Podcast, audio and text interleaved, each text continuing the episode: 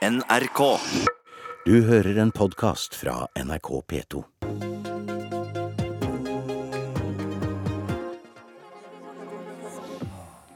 Siv Jensen går for fire nye år i regjering. Problemet er bare at to av tre samarbeidspartnere ikke vil ha henne der. I dag stiller Fremskrittspartiets leder til partilederutspørring her i Politisk valgkvarter. Og velkommen til valgstudio her utenfor Stortinget, Siv Jensen. Tusen takk. For fire år siden så hadde du på deg leppestiftkjolen, og du ropte 'Morna, Jens' til en jublende forsamling. Om tre uker så er det ny valgnatt. Hva skal til for at du skal bli like jublende glad den natta? Vi gjør jo nå alt vi kan for å sørge for at Fremskrittspartiet får eh, størst mulig oppslutning 11.9. Fordi vi vet at jo større vi er, jo større gjennomslag får vi også i forhandlinger med andre partier. Vi fikk jo til veldig mye da vi satte oss ned og forhandlet både samarbeidsavtalen med eh, Kristelig Folkeparti, Venstre og Høyre, og i regjeringsplattformen, selv om den på ingen måte er en kopi av Fremskrittspartiets program, så fikk vi betydelig gjennomslag, ikke minst i samferdselspolitikken, skattepolitikken, helsepolitikken, for å nevne viktige områder for oss. Men hvis resultatet blir akkurat det samme som sist, blir du like jublende glad da? Jeg håper, jo, jeg håper det blir et eh, fortsatt eh, ikke-sosialistisk flertall. eh, Som et godt utgangspunkt for at de fire partiene kan sette seg ned og fortsette et godt samarbeid. Men det er mye som skal til for at dere skal fortsette i fire år til eh, i en blå-blå regjering. I sentrumspartiene KrF og Venstre så er det mange som har pekt på at samarbeidet med dere har vært en belastning både for tillitsvalgte og for velgerne. Har det vært en tilsvarende belastning for FrPs eh, tillitsvalgte og velgere å samarbeide med Venstre og KrF? Mitt utgangspunkt er egentlig det motsatte, nemlig de resultatene vi har fått til i løpet av fire år. Alle fire partier har fått gjennomslag. Det skjønner jeg, men de andre sier at det er vanskelig å samarbeide med dere, og særlig fordi Sylvi Listhaug er kontroversiell og mange uttalelser. Skylde på Sylvi, det har jo nå blitt en litt sånn sport, tror jeg, mange steder. Eh, Det er altså partiene som definerer politikken. Sylvi gjennomfører den og de vedtakene som partiene er enige om. Eh, Men vi har strammet inn asyl- og innvandringspolitikken, og det har vært bra. Men nå har vi lave bare før ankomster du til Norge. begynner å gå inn på den, så det du sier nå er at eh, ok, Venstre og KrF-folk, noen av de klager på dere, men du har ingenting å klage på. Det er eh, nok eh, mange som skjønner at det av og til oppstår gnisninger mellom partier som samarbeider, fordi det er fire ulike partier som av og til har helt ulike syn på ting. Men jeg tror vi skal fokusere på alt det vi har fått til. Vi har altså styrt landet gjennom den største oljeprissjokket på 30 år, og det går bra med norsk økonomi. Vi har blitt enige om å redusere skattetrykket med 22 milliarder. Samferdselsbudsjettet er styrket med 50% Vi har eh, styrket innsatsen i skolen. Eh, Rekordmange lærere får etter- og Nå vet jeg at du kan holde på mye, mye lenger med den lange lista di, men jeg bare lurer på Venstre og Kristelig Folkeparti det er i hvert fall sånn at etter fire år så ønsker de at du skal ut av regjering, og at de skal danne en regjering alene med Høyre. Kan du på noen som helst måte se for deg at du kan støtte en sånn regjering? De standpunktene har vi jo hørt før. Det er ikke noe nytt at KrF og Venstre helst ser en annen regjering. Men vi har altså nå fire års erfaring i å samarbeide godt. Eh, Fremskrittspartiet har eh, et veldig klart standpunkt i dette. Vi støtter ikke en regjering vi selv ikke er en del av, men vi ønsker heller ikke å støte noen ut. Vi ønsker altså å sette oss ned og fortsette å diskutere med både Kristelig Folkeparti, Venstre og Høyre etter valget hvis det er et ikke-sosialistisk flertall. Så vi inviterer til samarbeid. Og så sier Venstre-leder Trine Skei Grande nå i helga at eh, hun syns det kommer nye signaler fra deg. Fordi du avviser ikke så kategorisk som du har gjort før at det kan bli en sånn blå-grønn regjering som du kanskje ikke vil felle. Kanskje du kan også være med på en budsjettsamarbeid. Jeg har ikke sendt et nytt signal. Vår strategi ligger fast, og det har den gjort i mange år. Vi støtter ikke en regjering vi selv ikke er en del av. Så hun har ikke Men- noen grunn til å få opp forhåpningene. Men jeg sier også det samme jeg har sagt nå i lang, lang tid. Vi ønsker altså ikke å støte noen bort. Så vi ønsker å fortsette å samarbeide med de partiene vi har samarbeidet godt med i fire år. Ja, men det er vel akkurat det poenget der med at du ikke vil støte noen bort, som gjør altså du vil ikke Og du vil heller ikke sette inn Jonas Gahr Støre, som gjør at de får opp forhåpningene sine. Vi driver jo valgkamp for å ikke få en Støre-ledet regjering hvor vi kan risikere å få Rødt og MDG på vippen. Det vil være svært utfordrende for Norge. Det er altså et eh, Rødt som har kommunistisk opphav. Det er et MDG som er villig til å doble drivstoffavgiftene over natten.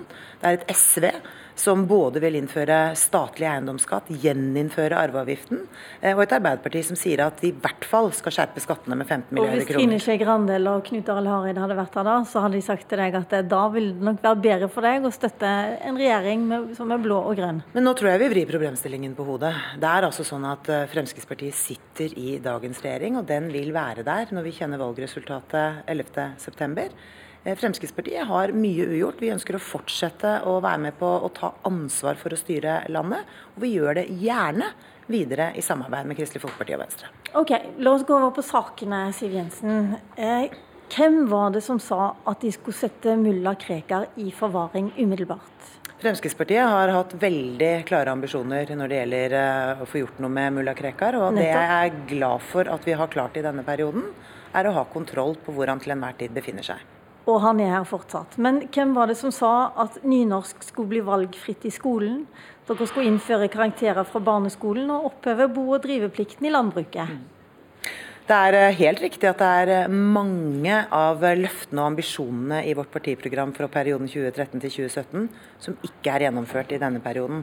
Men det er jo, som jeg sa innledningsvis, fordi vi har en regjeringsplattform som ikke akkurat er en blåkopi av Fremskrittspartiets program. Nei, men Husker du også hvem som sa i 2009 at akkurat de punktene jeg leste om nå, de skulle skje i løpet av 100 dager med Frp i regjering? Ja, men eh, det, handler jo om at eh, Fremskrittspartiets oppslutning eh, styrer jo veldig mye av det gjennomslaget vi får. Du ser et Fremskrittsparti i dag som er veldig stolt av de gjennomslagene vi har fått, men som fortsatt er men som også i 2009 at da var dere veldig store. Dere var over 20-tallet. Oppimot 30% var dere på noen målinger. Men selv det er ikke noe eget flertall, og du kunne ikke gjøre ting på 100, 100 dager. Du, vi ser et eh, Fremskrittsparti som er veldig stolt av det vi har gjennomført i denne fireårsperioden, men som fortsatt har mye ugjort. Vi vet eh, at forutsetningen for å få alt gjennom som vi ønsker det, ja da må vi ha rent flertall selv. Eh, derfor er vi nødt til å forhandle med andre partier. Men at vi har fått styrket samferdselsbudsjettet med 50% at vi nå fører tidenes strengeste asyl- og innvandringspolitikk, at vi har fjernet arveavgiften. Det er noen gode eksempler på veldig klare valgløfter Fremskrittspartiet ga for fire år siden, som vi nå har gjennomført. Men når det gjelder mulla Krekar, så har dere vel akkurat like mye kontroll på han som de rød-grønne hadde i åtte år? vi har erkjent at det er en uh, utfordring, men samtidig så har vi jo nå også kommet i en situasjon uh, i Europa som eh, har endret eh, på alvoret rundt oss. Eh, det skjer mange krevende terrorangrep rundt omkring oss. Mange opplever at det kommer nærmere. Folk opplever utrygghet, de kjenner på det. Og det er vi som er politikere som har et ansvar for å føre en politikk som gjør at folk føler trygghet for å kunne leve livene sine. Men dere har vel også et ansvar å komme med løfter som kan holdes? Og du lovte at i løpet av 100 dager med Frp i regjering, noen av disse sakene her, er ikke avhengig av flertall heller. Det handler om andre ting, f.eks. Krekar? Nei, altså det, alt i politikken handler om flertall. Enten i en regjering eller i Stortinget. Det er vel ingen som få... ønsker at mulla Krekar skal være i, i landet? Nei, og hadde det vært grunnlag for å få sendt han ut, så hadde han også vært ute av landet. Det som er viktigst for folk, tror jeg, og det samme grunnlaget var der i 2009? Det som er viktigst for folk, tror jeg, at vi har kontroll på personer som kan utgjøre en fare for landet vårt. og Derfor mener jo vi at vi skal intensivere det arbeidet nå, eh, når vi ser at utfordringene er der. Det betyr eh, debatten om bevæpnet politi, f.eks. Okay, men la oss gå inn på litt nyere saker. Ja. På det, fordi vi er nå i en situasjon hvor politiets egen fagorganisasjon mener at de trenger å få bevæpning for å kunne reagere hurtig i en gitt situasjon. Fremskrittspartiet er enig med Politiets Fellesforbund i det. Vi kommer til å kjempe hele veien til døren i neste periode for at vi skal få gjennomslag for akkurat det. Ok, Vi skal ikke snakke om beredskap eller bevæpning akkurat nå, for vi skal gå videre på likestilling. Det er et av de viktigste tingene for velgerne akkurat nå. Ja, nettopp. Men eh, vi tenkte vi skulle snakke om likestilling, for det er også noe som dere mm. snakker mye om for tida. Dere har gått inn for i mange år å fjerne likestillingsloven og likestillingsombudet. Dere ville ha slutt på all kvotering og kutte ut pappakvoten. Dere stemte nei til loven som sikra 40% kvinnerepresentasjon i styrene. Alle de lovene, lovene er jo det som har gjort Norge internasjonalt kjent som likestillingsnasjon. Hvorfor går dere imot alle likestillingslovene når dere er så opptatt av likestilling? Ja, Det er godt du sier det. Vi er opptatt av eh, likestilling. Eh, men vi tror jo på litt andre typer virkemidler for å få det til. Hva hadde likestillingen i Norge vært uten alle disse lovene om kvotering, om pappaperm? Altså, nå, nå, spør du jo Likestillingslov, likestillingsombud. Nå spør du jo en person som har en ganske stolt uh, arv å forvalte. Min oldemor jeg var jo en av landets første kvinnesakskvinner. Uh, men det hun kjempet for Hva hadde hun sagt om? Hva Nei, men la, la, oss, la oss gå langt tilbake i historien, da. En av de tingene hun var opptatt av, var jo at kvinner skulle få rett til å ta utdanning. På hennes tid så var det helt uh, usannsynlig, det var helt utenkelig at kvinner kunne ta videregående opplæring.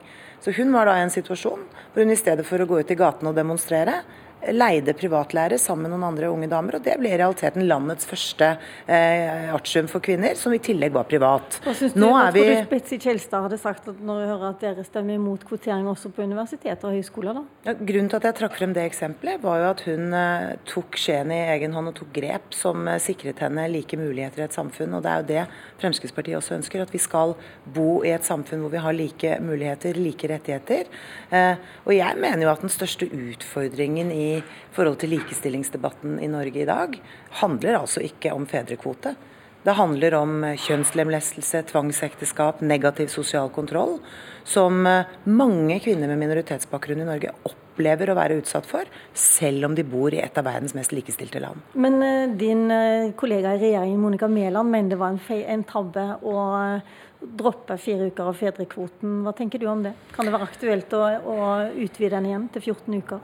Fremskrittspartiet er i utgangspunktet ikke enig i det. Eh, jeg mener at vi må ha grunnleggende tillit til at familiene eh, løser dette selv.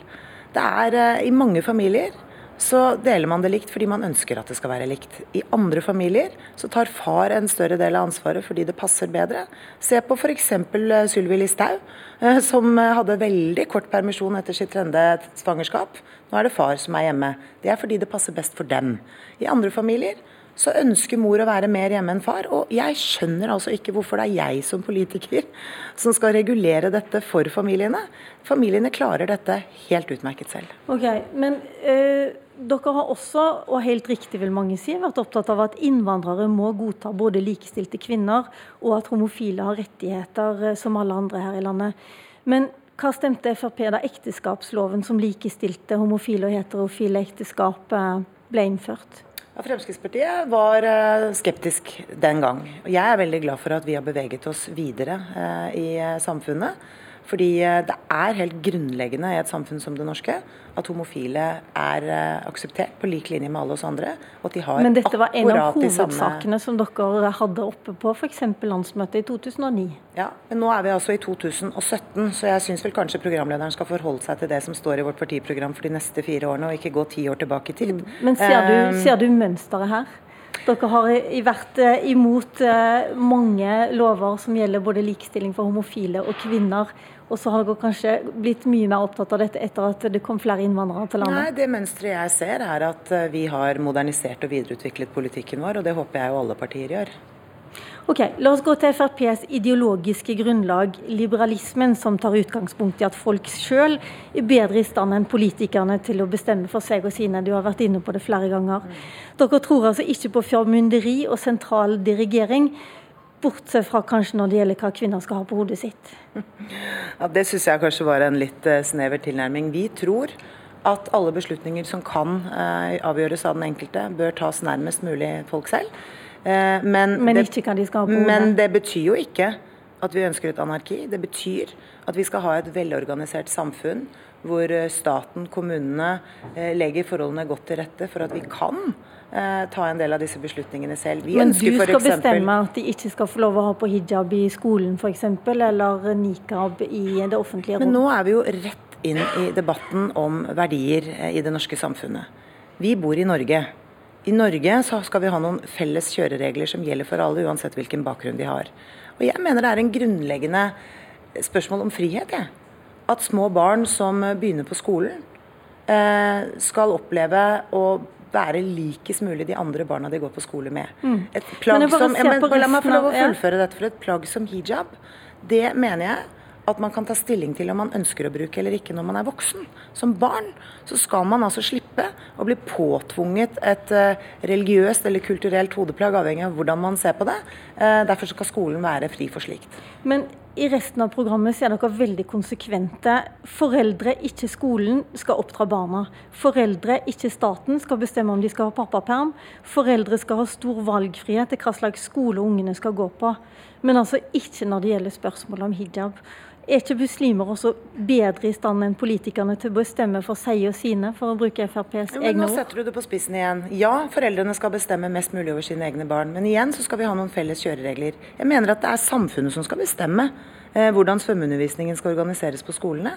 Jeg er ikke for kjønnsdelt svømmeundervisning, fordi jeg mener det er en verdi at barna våre møtes og, og leker sammen, begge kjønn. Det må myndighetene bestemme i et samfunn på mange områder så må vi jo trekke opp noen kjøreregler for hvordan vi skal oppføre oss mot hverandre. Men det er at det er foreldrene som har det grunnleggende ansvar for å oppdra barna sine, det tror jeg alle er enig i. Hva tenker du da om at det kommer så veldig sterke reaksjoner mot bruk av hijab også utenfor skolen? F.eks. vi ser det i NRKs programleder nå, som skal drive et valgprogram og har fått sterke reaksjoner. Ja, jeg har registrert det. Jeg tror det handler om at man ønsker eh, en nøytral formidling eh, i, eh, i mediene, men den debatten får NRKs ledelse ta seg av. Jeg har vært mer opptatt av. Eh, bruken av eh, burka og nikab i det offentlige rom f.eks. Dette er heldekkende plagg som gjør det umulig for oss å se på hverandre når vi møtes på gaten. Det er igjen eh, Men nå er det snakk om en hijab. Ja, er, Skjønner du at folk reagerer så sterkt på det også? Ja, men Dette handler jo om at det ikke er så veldig lenge siden det var en tilsvarende debatt i NRK, men da gjaldt det altså et kors. Så NRK må jo likebehandle. Eh, det, jeg tror det er det som er årsaken til at det skaper mye engasjement i den debatten, og det må NRK faktisk rydde opp i selv. Ok, La oss eh, gå og få opp tempoet litt. Vi skal ha korte spørsmål og forhåpentligvis korte svar. På fire år har dere kutta 22 milliarder kroner i skatter og avgifter. Hvor mye vil dere kutte de neste årene? Mest mulig. I programmet vil du tallfeste det? Nei, det har ikke Fremskrittspartiet gjort. Men vi har store ambisjoner når det gjelder å få fortsatt redusere skatte- og avgiftstrykket. Sånn at vanlige familier sitter igjen med mer, og sånn at bedriftene våre er konkurransedyktige i forhold til utlandet. Ok, jeg tabber meg ut. Oppfølgingsspørsmål. Nå går vi fortere. I programmet heter det at dere vil fjerne fiskale avgifter. Innbyggerne skal få et mer oversiktlig avgiftsregime å forholde seg til. Betyr det at du skal slutte å foreslå nettopp fiskale avgifter som eh, på plastposer og flypassasjerer? Vi vil at de avgiftene vi har skal eh, handle om det formålet de er tiltenkt. Dere vil redusere antall byråkrater og direktorater. Hvor mange direktorater har dere fjerna på fire år? Vi har en eh, lang vei å gå når det gjelder å fortsette kampen for å redusere byråkrati. Eh, veksten... Hvor mange direktorater har dere fjernet? Jeg mener vi skal ta en ordentlig gjennomgang av det. Fjerne og legge ned direktoratene vi ikke trenger. Endre organiseringen av hele staten. Nei, det har vi ikke. Er det på noen som helst måte i tvil om at det finnes menneskeskapte klimaendringer? Nei. Hvilken statsrådpost vil du ha om du får fire år til? Ja, jeg tror ikke vi skal dele ut statsrådposter i dag. Jeg er finansminister, har vært det nå i fire år og har eh, gjort det jeg har kunnet for å styre landet godt og trygt gjennom en krevende økonomisk tid for Norge. Ok, La oss uh, bruke litt tid på økonomi på på slutten her. Uh, Frp er jo for folk flest, men skattelettene dere har gitt, har ikke fungert omfordelende, for å bruke et språk du er kjent med fra Finansdepartementet. Uh, dette sto bl.a. i Klassekampen i går. Det er sitert fra en rapport som kommer fra ditt departement. Hva tenker du om det? Størsteparten av det vi har brukt på å redusere skattene og avgiftene i denne perioden, har kommet vanlige folk til gode. Det har vært brede lettelser. Eh, Men det har altså ikke fungert mer omfordelende? Det fungerte mer omfordelende under de rød-grønne? Nei, altså Størsteparten av det vi har gitt i lettelser, har kommet helt vanlige familier til gode. En vanlig familie Snakker ditt eget departement vanlig, Nei, dette er tall som også kommer fra Finansdepartementet. En vanlig familie har fått omsnakket 8000 kroner i lettelser i denne perioden. Pensjonistene har fått skattereduksjoner. Bedriftene har fått lavere selskapsskatt. Og i tillegg har vi også brukt noe av handlingsrommet på å redusere formuesskatten, som også er en skatt på det å eie, for en nordmann å eie i Norge, som en utlending som eier tilsvarende bedrift, ikke har. Ok, vi burde hatt mer tid til skatten, men det får du få i senere debatter i valgkampen. Siv Jensen, hjertelig takk for at du kom her. Trine Skei Grande kommer til ny partilederutspørring på torsdag, men i morgen er det vanlig politisk valgkvarter. Mitt navn er Lilla Sølhusvik.